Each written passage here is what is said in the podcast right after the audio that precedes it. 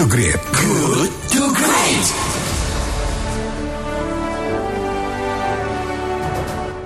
Sahabat Kelight, seperti kita ketahui bersama bahwa konservasi alam adalah pelestarian atau perlindungan akan alam di sekitar kita tentu saja ya. Nah hal ini dilakukan di Desa Jatimulyo, Kecamatan Giri Mulyo, Kulon Progo, Yogyakarta. Jadi semula desa ini terkenal akan suasana alam yang dihiasi dengan suara burung setiap pagi, Suara sore burung, ya ya. kan. Terus memang sejatinya desa Jatimulyo ini mempunyai potensi keragaman fauna dan flora yang luar biasa. Itu ada berapa jenis ya? Banyak. Banyak. Ada 97 jenis burung, terus Mhm. juga ada 30-an jenis moluska, ada jenis 30 jenis capung juga. Wis. Seratusan jenis kupu-kupu, ada 30 jenis anggrek. Hmm. Ya, namun keadaan itu berubah setelah banyaknya perburuan eh, akan kawanan burung yang ada di sana. Timbullah rasa kemarahan dan kegalauan dari masyarakat sekitar akan keadaan lingkungan sekitar tersebut. Iya. Nah, ini ada seorang warga bernama Kelik Suparno bersama Kepala Desa Jatimulya, Anom Sucondro. Sucondro, merasa perlu membuat sebuah payung hukum berupa peraturan desa untuk melindungi alam mereka. Betul, mantep banget itu. Uh-uh, di dalam peraturan desa tersebut nomor 8 tahun 2014 tentang lingkungan hidup eh, tersebut ada sanksi pidana dan perdata dendanya 5 juta sampai 10 juta bagi siapa pun yang menembak burung-burung atau capung yang juga eh, ini berlaku juga untuk yang merusak flora fauna. Hmm. Nah, ya hasilnya usaha pelestarian di desa Jatimulyo juga udah mulai menunjukkan perkembangan yang signifikan ya. Burung-burung yang dulu hilang, nah sekarang sudah mulai datang lagi tuh. Terus kemudian potensi-potensi alam desa ini benar-benar dijaga dan dirawat dengan baik. Ya, saat lagi kita akan ngobrol langsung dengan orangnya yaitu Bapak Kelik. Kelik Supardo.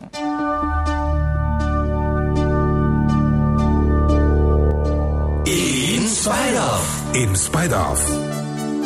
Halo, selamat pagi Pak Kelik. Selamat pagi, Selamat pagi, apa kabar? baik. Ini masih di rumah atau sudah di tempat aktivitas? Kasih di rumah. Ya, masih di rumah ya. Sudah ngopi mungkin ya. Iya.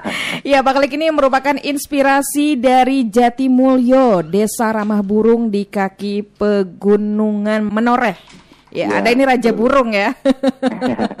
Pak Kelik ini bisa diceritakan keadaan saat banyaknya perburuan flora dan fauna di desa Jatimulyo, Pak. Iya. Sebenarnya pada tahun 2014 itu perburuan memang sangat masif sehingga menjadi keprihatinan dari masyarakat Jatimulyo. Nah, saya sendiri di situ bersama teman-teman sebenarnya dulu seorang pemburu. Oh. Itu berburu anakan burung untuk dijual maupun burung-burung yang sudah tua. Nah, titik baliknya setelah keluarnya Perdes tahun nomor 8 tahun 2014 itu Mhm. tentang pelestarian yang hidup sehingga kami mulai berhenti. Iya, Kemudian juga ada kesadaran bahwa jangan sampai nanti generasi penerus kita Mhm. hanya kita mendengar dari cerita maupun dari Google aja gambar-gambarnya. Mhm. Nah, dari itu kam- kami mulai membangun kesadaran bahwa biarkan burung-burung ini tetap lestari di alamnya, Mhm. tapi kita tetap bisa mengambil hasilnya mungkin mu- melalui wisata recording maupun dari wisata fotografer. Kemudian eh, apa sih yang menjadi motivasi Pak Kelik eh, untuk mengubah keadaan tersebut? Eh, mungkin sebagian orang eh, ada yang tidak peduli ya dengan apa yang Iya. terjadi. Ini apa yang memotivasi Anda Pak Kelik? Ya karena ini ya kami sangat prihatin. Mungkin mungkin juga untuk penebusan dosa juga. Karena kami juga terlibat dalam mungkin perburuan itu. Mhm. hingga kami ajak ayo kita lestarikan. Dan sudah ada beberapa burung yang ada di Jatimulyo hilang. Misalnya ada anis merah atau jak hijau maupun koci atau kacat itu sudah hilang dari Jatimulyo ya jangan sampai nanti semuanya hilang Mhm. dari kesadarannya dari situ Kesadaran dari Nah, situ ya. Untuk, Heeh, untuk tem mungkin saya udah berhenti, tapi teman-teman belum. Yang ngajaknya ini yang susah.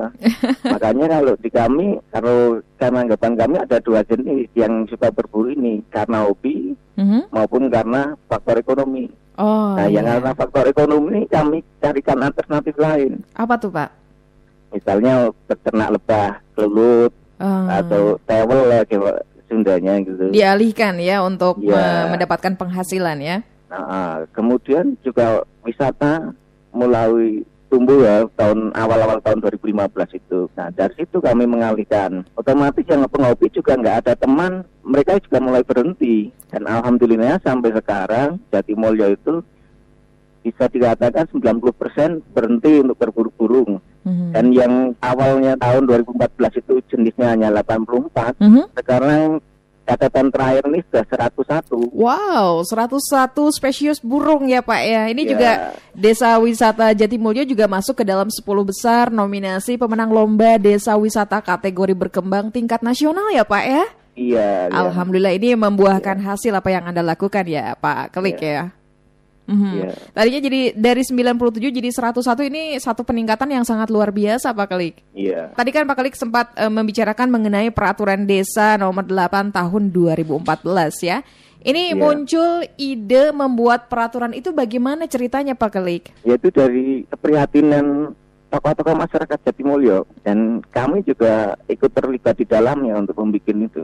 Mungkin desa-desa lain bisa membuat, Mhm. tapi perdes itu jangan sampai hanya jadi dokumen saja. Yang dibangun adalah kesadaran masyarakatnya. Untuk membangun kesadaran masyarakat itu sendiri, pendekatan-pendekatan apa yang Pak Kelik lakukan bersama dengan timnya? Ya kami edukasi ke masyarakat secara pelan-pelan. Gimana sih ini manfaatnya burung apa? Siapa-siapa yang di sekitar Jatimulyo ini manfaatkannya apa? Mhm. kadang ada tamu dari luar kita Hmm. ajak nginap di rumah-rumah warga biar orang luar ini juga membantu untuk edukasi ke masyarakat Iya, iya. samping untuk apa ya mungkin pendapatan masyarakat juga Jadi ada meningkat tambahannya. ya. Iya. Apakah Pak Kelik dengan adanya peraturan yang tadi sudah dibuat ini membuat para pemburu jerah nggak sih? Atau mereka masih berburu sampai sekarang? Kalau di lingkungan kami maupun di desa Jatimulyo itu sudah 90% berhenti. Mungkin ada satu dua tapi itu pun sembunyi-sembunyi. Dan kalau dari luar udah berhenti, udah nggak berani. Semua 16 pintu masuk Jatimulyo itu kami pasang pelang Mhm. dan ada grup di WhatsApp antar kampung. Kalau ada orang yang mencurigakan, kami selalu berkomunikasi. Kalau mereka udah alatnya udah disiapkan untuk menangkap burung, ya kami tangkap orangnya. Mhm. Pak Kelik, ini kan sudah ada eh, kesadaran ya dari sebagian besar masyarakat desa ya. Eh, ini kalau tidak salah ada yang namanya dibuat konservasi, namanya kopi Ya. sulingan, betul? Iya, kopi sulingan ini sebenarnya kan dari kegiatan teman-teman dulu mendadan burung, kok melihat di hutannya itu ada kopi yang nggak pernah dimanfaatkan. Hmm. Jangan sampai nanti kalau tidak termanfaatkan ditebang hingga mengganggu habitat satwa yang ada di dalamnya. Mhm. Mhm. Dari kopi ini awalnya karena masyarakat nggak mau merawat, Mhm. harganya juga murah, makanya kami olah. Yang dari awalnya hanya 2.000, sekarang sudah nyampe 7.000. Hmm. dan dari kopi itu juga dapat untuk promosi desa Jatimulyo. Biasanya kan ini kopi dari mana, kondisi geografisnya gimana, saat eh, budayanya gimana. Dari itu juga dapat untuk promosi. Mhm. Jadi un- yang jadi uniknya nih konservasi ini diisi oleh para mantan pemburu yang sudah insaf ya.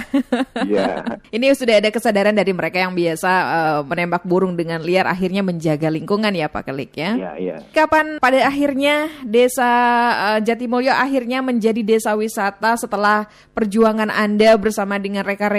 Kalau desa wisata yang ini memang sudah dicetus dari 2007. 2007. Ya, tapi baru berkembangnya ya awal-awal 2015 itu lah. Aha. Itu t- udah sudah terasa eh, perbedaan atau meningkatnya para wisatawan dari 2007 dan 2015 sejak Anda sudah menata desa tersebut eh, bebas dari pemburuan. Apa sudah mulai terasa terjadi peningkatan wisatawan? Iya, untuk catatannya di tahun 2017 itu kunjungan ke Desa Jatimulya itu udah 140 ribu per Mhm. tahunnya Mhm. itu. Terus teman-teman yang dulu dari pemburu itu juga sekarang kerjanya dari guide untuk wisata burung maupun Hmm. wisata-wisata objek Iya, iya. alam. Apakah ini ada tanggapan nggak sih dari pemerintah atas usaha yang sudah Anda lakukan untuk menjaga lingkungan? Ya mungkin dari BKSDA sudah masuk ya Mhm. untuk bantu membikin pelang maupun bantu adopsi adopsi sarang itu. Sudah ada bantuan. Kalau dari pemerintah pusat belum ada. Belum. Baru pemerintah daerah ya. Nah, daerah pun di pemasangan pelang untuk pelarangan berburu. Mhm, mhm. Ini Anda eh, bersama dengan berapa tim untuk menjaga lingkungan agar tetap be- terbebas dari pemburuan flora fauna ini, Pak Klik? Kami membentuk kelompok tani hutan warna pasti. Nah itu yang teman-teman yang ikut membantu kami. Kalau awalnya kami ya dari kopi sulingan dulu karena kopi sulingan ini sebagian keuntungannya memang untuk kegiatan konservasi. Itu sukarela atau gimana Pak Kelik? Ya sukarela. Ah, sukarela ya. Berawal dari komunitas eh, pemburu burung, kemudian berbalik menjadi mencintai lingkungan, menjaga flora fauna luar biasa sekali ya Anda Iya. dengan eh, tim Anda. Nah, eh, Pak Kelik, apakah dari masyarakat ada tanggapan mengenai sekarang perubahannya sudah sangat signifikan ya? Reaksi masyarakat. Ya mereka, ya mereka senang juga, Mhm. sangat sangat mengapresiasi. Mhm. Karena mungkin yang untuk konservasi pemulihan burung-burung yang hampir punah di Jatimulyo itu mereka juga mendapatkan hasilnya. Mhm. Misalnya yang dari program adopsi sarang ini. Adopsi sarang ini kan siapa yang menemukan, melaporkan ke KTH Wanapak. Kemudian dari anggota KTH Wanapak akan mengecek sarang ini aktif atau enggak. Kalau memang aktif, di lahannya siapa, di wilayah RT mana. Iya, Nah, iya. Kemudian kalau aktif kami laporkan ke pemerintah desa maupun ke Indonesia Bird Banding. Dari situ baru kami tawarkan ke pihak luar. Ada nggak yang mau mendonasikan dananya untuk kegiatan ini? Oh, iya, iya. Kalau memang ada, ya kak, salurkan ke KTH. Kalau nggak ada dari Kopi Sulingan yang akan adopsi sarang ini. Mhm, mhm. Untuk saat ini adopsi sarang itu 500 ribu per Oh. sarang ini. Untuk pembagiannya itu penemu sarang mendapat 75 ribu, pemilik lahan 100 ribu, KTH Wana Paksi 50 ribu, Oke. terus kas RT ke wilayah sarang ini 50 ribu. Oh, iya. Dan sisanya untuk eh, operasional, misalnya pengawasan, Mhm. eh, monitoring, Mhm. dan pelaporan. Ya, Pak Kelik, apakah ada cerita unik selama Anda menjadi penggiat lingkungan, misalnya Anda dijuluki sebagai pahlawan lingkungan atau raja burung?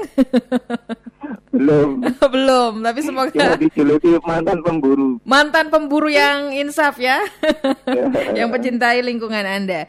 Oke, Pak Kelik yang terakhir nih, harapan ke depannya untuk Pak Kelik apa nih setelah desanya menjadi desa wisata dan eh, apa yang pesan-pesan yang mau disampaikan ke- kepada masyarakat luas? Ya harapan saya, mari kita jaga kelestarian alam di Indonesia dan untuk harapan yang di Jatimulyo, ya, moga, semoga 20 tahun lagi maupun seterusnya alam di Jatimulyo tetap lestari. Kita tetap bersahabat dengan alam yang ada di sekitar kita. Iya, baik. Terima kasih Pak Kelik sudah mau ngobrol bersama saya di sini. Ya, Semoga apa yang Anda lakukan bisa menginspirasi banyak orang untuk sama-sama melakukan mencintai lingkungan ya. ya amin. Iya, terima kasih Pak Klik Suparno. Sama-sama. Silakan bisa Ya. beraktivitas kembali. Ya, terima kasih. Sahabat kilat demikian obrolan bersama dengan Pak Klik Suparno, seorang sosok pejuang lingkungan, lingkungan yang inspiratif membuat desa Jatimulyo menjadi desa wisata, desa ramah akan berbagai macam jenis burung.